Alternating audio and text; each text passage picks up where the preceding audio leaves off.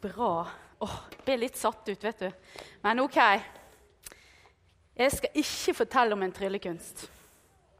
Jeg skal fortelle om noe som er helt ekte og allikevel litt utrolig. Um, nå er det sånn at uh, Jeg skal ha god hjelp av de bak. Så når jeg tar tommel opp, så tar dere på et bilde. Fordi at det skal komme noen bilder opp på skjermen. Og Hvis dere ikke teller med det første bildet, så er det ti bilder. Så da kan dere følge med når det, går nedover sant, på fingrene. Så vet dere når vi nærmer oss slutten. Eh, nå er jeg veldig spent på om det kommer bilder. da. Sigfred, tryller du? Se der, ja. Han kunne trylle, han òg. Yes. Så da når jeg sier 'nå starter vi', da er det bilde nummer én. ok? Først, før vi tar bilde nummer én, så må jeg si gratulerer med nytt år. I dag er det faktisk nytt år i kirkeåret. Og det er egentlig nyttårsaften i går. Kirkeåret det går fra første søndag i advent til første søndag i advent. Og det er en fin dag å stoppe opp og tenke over hva er det vi tror på, og hva er det vi hører om i Bibelen. Og Noe av det skal vi stoppe med i dag. Men da må jeg få første bilde. Og da er spørsmålet hva har disse land til felles? Eller først av alt, hvilke land er det? Er det noen som vet? Kjenner noen flaggene? Ja, eh. ja, det var faktisk feil. Nei Ærlig talt Ja, ett av de var Liechtenstein. Ja, Vet du hvilken? Ja, det er det nede til eh. Her er noe rusk i allmennkunnskapen, hører jeg her. Ja, Liechtenstein, det var det ene. Ingen andre? Nei. Monaco! Se her, han her har litt Nå han 2-0 mot dere. Kom igjen. Hæ? Ja! Og da er spørsmålet hva har Liechtenstein, Monaco og Andorra til felles? De har røde flagg, ja. Det var en felles ting. Men uh, nja Nå skulle jeg hatt en diger premie, kjenner jeg. For det, nå er det jo faktisk sånn at det var litt spennende. Ja? Små land, ja. Det er de. Ja, de har fyrstedømme! Og hva i alle dager er nå et fyrstedømme? Det er jo kanskje ikke så veldig spesielt som det høres ut til, men de tre landene er altså fyrstedømmer. Det vil si at de har en fyrste som øverste leder. Eh, og en fyrste er jo egentlig Når jeg gikk inn i synonymordboken, sånn, så får jeg opp majestet. Har vi en majestet i Norge? Ja? Ja, sant? Vi sier det. Eh, så kom det opp hersker, og så kom det opp suveren.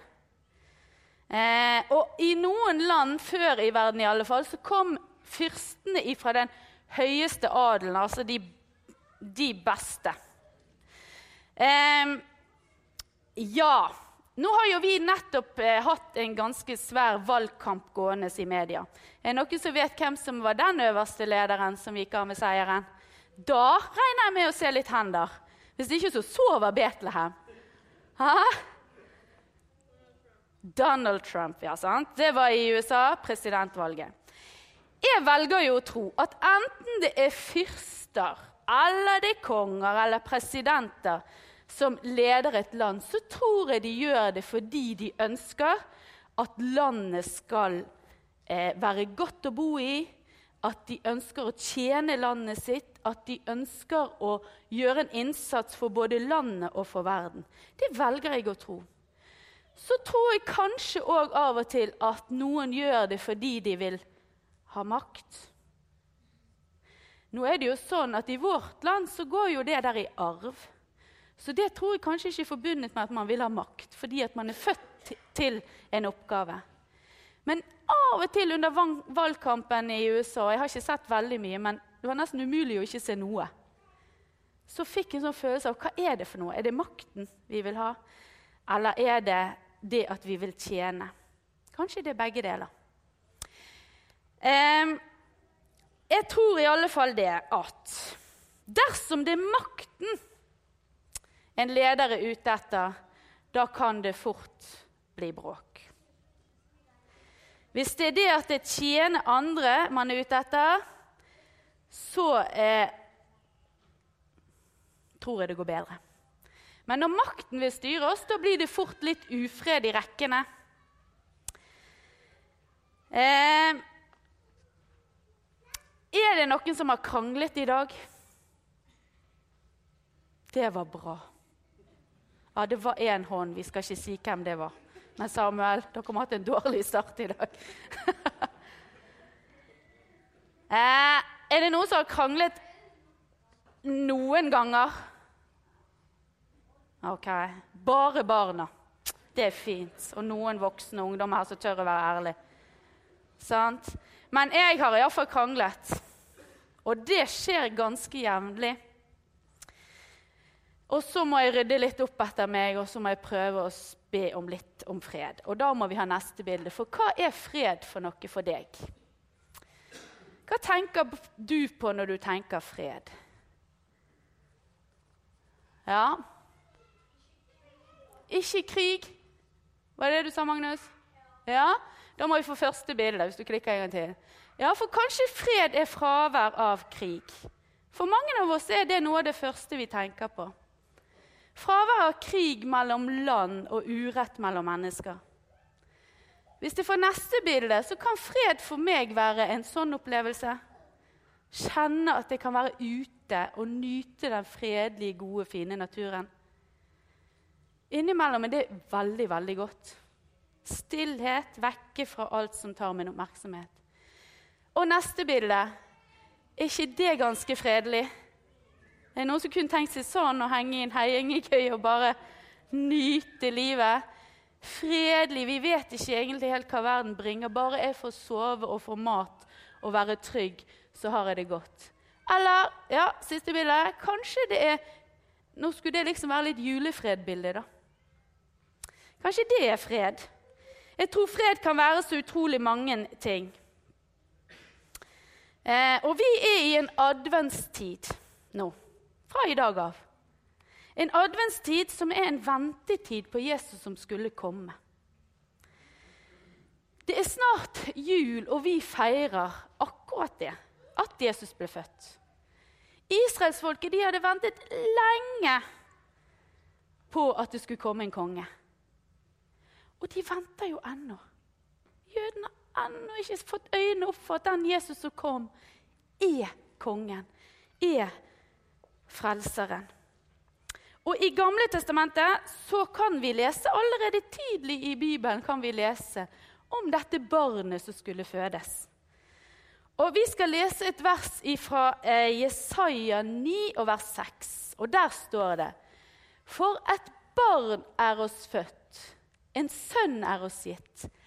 Herreveldet er lagt på hans skulder, og hans navn skal være underfull rådgiver, veldig Gud, evig far og fredsfyrste. Jeg syns det der er et flott vers. Vi har alle et navn. Og Nå stoppet jo meg og Samuel litt om det der med navn. Og jeg har faktisk søkt på mitt navn, og det er fire i landet som heter det. En dag skal jeg lage en Alvrund-klubb, og jeg får plass rundt kjøkkenbordet. Vi er ikke flere. Så sjeldent er mitt navn. Fordelen er jo at når noen har lært det, så husker de det ofte. Men når jeg hilser på noen for første gang, så er det veldig ofte mange sier 'Hæ?' For de har ikke hørt det. Jesus, han er det knyttet mange navn til. Og de navnene Jesus har fått knyttet til seg, sier noe om hans oppgave. Det han skulle gjøre her på jord. Vi må ha neste bilde. I dette verset så skulle han være underfull rådgiver. Det er underfullt, det. Jeg jobber som rådgiver. Jeg Tror ikke jeg er en underfull rådgiver. Men jeg jobber mye med spørsmål. Spørsmål om hva jeg skal bli, hvordan skal jeg fikse denne dagen. Jeg har det vanskelig. Jeg har så mange mål. Hva skal jeg velge plukke? Gud sendte Jesus som en rådgiver for oss. Veldig Gud. Evig, aldri tar slutt. Evig far og fredsfyrste. Er det noen som vet hvor mange bilder vi kom til? Ja, se der! Fem. Veldig bra. Da stemmer det med manus. Eh, når vi fikk barn, og det er ganske mange år siden nå, så syns jeg det var et enormt ansvar å finne et navn. Kanskje fordi jeg hadde opplevd det litt problematisk å hete det jeg het. Så jeg var helt sikker på at ja, barnet vårt skulle ikke være veldig veldig, veldig sjelden i navnet sitt. Men det ble så plutselig alvorlig for meg. Vi hadde mange forslag på navn, men så visste vi jo ikke om det var gutt eller jente. Det her. Sånn at eh, det første som skjedde når vi skjønte at det var en jente, var jo at alle guttenavnene bare måtte forkastes. Og så skulle vi enes om ett navn. En utfordring for ethvert forhold kan det være. Navnet skulle passe på den lille babyen. Og så var det jo et navn som hun skulle ha hele livet. Og et navn jeg skulle leve med at jeg har gitt til barnet mitt. For det har jo jeg spurt mine foreldre noen ganger om. Hvorfor i alle dager ga dere det navnet dere ga til meg? For jeg er jo ikke oppkalt etter noen, for det kunne jo være litt med et så sjeldent navn. Og ennå så venter jeg på det veldig oppklarende svaret. Men for Jesus så var navnet bestemt av Gud. Og innholdet i alle hans oppgaver kom tydelig frem. Og vi kunne nevnt flere navn. Det skal vi ikke gjøre. Neste bilde. Fordi at vår første jente fikk navnet Marita. Og jeg vet om en annen Marita her. Men vet jeg om flere? Er det flere som heter Marita? Nei? Så det er ikke så helt vanlig, da. Men Marita betyr perle. Og vi tenkte som så at det passet jo fint. Hun var en perle for oss, vårt første barn. Men så vet vi at hun er en perle for Gud. Og det var viktig. Og enda sterkere ble betydningen for meg når jeg skjønte hvordan en perle blir dannet. For en perle den vokser inn i muslingeskjellet. Og den starter sin opprinnelse med et fremmedelement, et støv, et rusk, et sandkorn, som kommer inn i muslingeskjellet. Noe som er der, som kanskje ikke skulle være der. Så former dette muslingeskjellet, slipper ut perlemor og dekker rundt sandkornet. Og når det her får holde på disse prosessene lenge nok, kanskje 10-50 år, så kommer det sånne vakre perler som vi kan pynte oss med i ørene og henge på halsen. Men det begynner med noe som ikke er bra, og så er det noe som dekker over. Det syns jeg er så fint. Og vi skal stoppe litt ved det ene navnet, hvis dere tar neste bilde. da. Det er fredsfyrste. Ikke det flott? Fredsfyrste skulle Jesus være. Han kom som hersker, majestet, over fred. For vi var jo enige om at det var det fyrste betød. Og ordet fred syns jeg er et utrolig nydelig ord. Jeg elsker når det er fredelig rundt meg. Er det noen andre som gjør det? Noen. Den fredsfølelsen når Kanskje, iallfall når barna var små, når de var sovnet. Åh, det er fredelig, det. Eller når de har løpt villmann og vi har hatt det gøy, og så senker freden seg. Det er så deilig. Det å slutte fred med hverandre, det er noe utrolig vakkert. Vi har kanskje vært uvenner, stått i konflikt med hverandre. Vi kan slutte fred. Vi kan bli enige om at vi må legge dette bak oss. Vi må tilgi. Jeg tror det at for oss, når vi tenker fravær og krig, så er det nok vanskelig å forstå dybden i fredsordet. Men for de av dere som levde da det ble fred i 1945. Jeg kan ikke bare forestille meg den følelsen, den opplevelsen av å gå ut på gatene og være helt i ekstase og glede over freden. Selv om man hadde masse sår med seg, så var det fred i landet. Jesus kom som denne fredsfyrsten.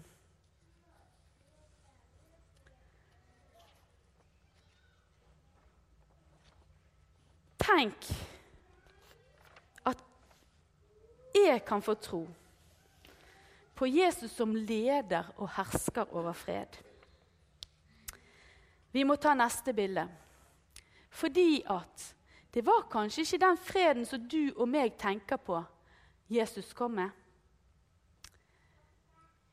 Jesus kom for å gi oss fred, men ikke helt den freden som vi tenker på når vi tenker på fred, men en forsoning mellom Gud og oss som mennesker. En tilgivelse for det vi har gjort galt. Og Da er det neste bildet, og nå begynner det å gå fort. dere som teller. For det står i Johannes 14, 7, dette sa Jesus sjøl. Fred etterlater jeg dere. Min fred gir jeg dere. Ikke den fred som verden gir. La ikke hjertet bli grepet av angst og motløshet. Tro på Gud og tro på meg. Den freden er det Jesus kommer med. Og da tenker jeg For jeg synes når Jesus kom som fredsfyrste, hvorfor er det da så mye som ikke er fredelig i denne verden? Jo, det er fordi det ikke er den freden som vi forstår, at det skal bli fred på jord nå. Jesus kommer. Men han ville skape fred mellom oss og Gud. Og da er det neste bilde igjen. Fordi Gud er hellig. Gud tåler ikke at vi gjør gale ting. Gud fikser ikke de sandkornene som er i livet vårt og skaper rusk i maskineriet. Mens vi er syndige mennesker og har disse feilene. Det skjedde Nå har jo vi illustrert det, Adam og Eva i hagen, og de spiste av eplet. Da kom synden inn i verden. Og Jesus kom for å skape en bro mellom oss og den allmektige, hellige Gud. Han tåler ikke synden. Han må pakke inn sandkornet i perlen. Jesus kom for å pakke inn våre synder, så vi kan få lov til å stå ren og rettferdig fremfor Gud. Og da er det jeg kom, tror jeg, til det siste bildet. Stemmer det, dere som teller? Ja. Og det siste bildet er mitt favorittbibelvers. Og jeg tror at det er et bibelvers som vi trenger å stoppe opp ved. Og Der står det i Filippane 4, 4-7.: Gled dere alltid i Herren. Igjen vil jeg si gled dere. La alle mennesker få merke at dere er vennlige. Herren er nær. Vær ikke bekymret for noe, men legg alt dere har på hjertet fremfor Gud. Be og kall på ham med takk. Og så kommer det. Og Guds fred, som Hva er det han gjør? Overgår all forstand. Dere er jo så mange forstandige mennesker her inne. Skjønner det ikke. Mine foreldre de var de klokeste jeg visste om da jeg var barn. Er det sånn med dere òg? Etter hvert har det fått et litt annet bilde når jeg sjøl ble voksen. at det er gjerne ikke sånn. Guds fred overgår det vi har mulighet til å kunne forstå. Og Guds fred, som overgår all forstand, skal bevare deres hjerter og tanker i Kristus Jesus. Der er den underfulle freden. Der er det du og meg kan få lov til å søke ly og tilflukt når vi er redd, når vi er urolig, når vi er bekymret. For det er vi. Så kom Jesus som freds fyrste, hersker over fred som kommer for å gi oss en fred vi ikke har evne eller mulighet til å forstå. Den allmektige Gud har laget en bro mellom seg og oss gjennom fredsfyrsten. gir grunn til adventsfred. Det gir grunn til julefred, og det gir grunn til hjertefred.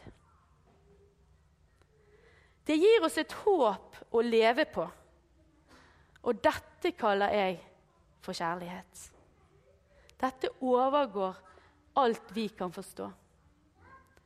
Så når du nå går inn i adventstiden, så vil jeg utfordre deg til å ta med fredsfyrsten i ditt liv inn i denne tiden og takke for det han kom da han kom som et lite barn. Det han kom med. Han ønsker å være fredsfyrste, ikke bare for deg og meg i våre liv, men for alle mennesker på jord. Skal vi folde hendene? Jesus, jeg har lyst til å takke deg for det at du kom. Og takk fordi at det var så mange viktige og avgjørende oppgaver som er knyttet til deg. Takk, Jesus, mest av alt for at du frelste oss. Du kom for å tilgi oss våre synder og pakke oss inn i din kjærlighet, sånn at vi kan få lov til å møte den allmektige Gud. Takk, Jesus, fordi at vi i denne tiden, i adventstiden, skal få lov til å minnes at du kom med fred. Fred til hjertene våre, og fred som overgår all vår forstand og som en dag skal ende i en fullkommen fred. Velsign små og store og oss alle. Amen.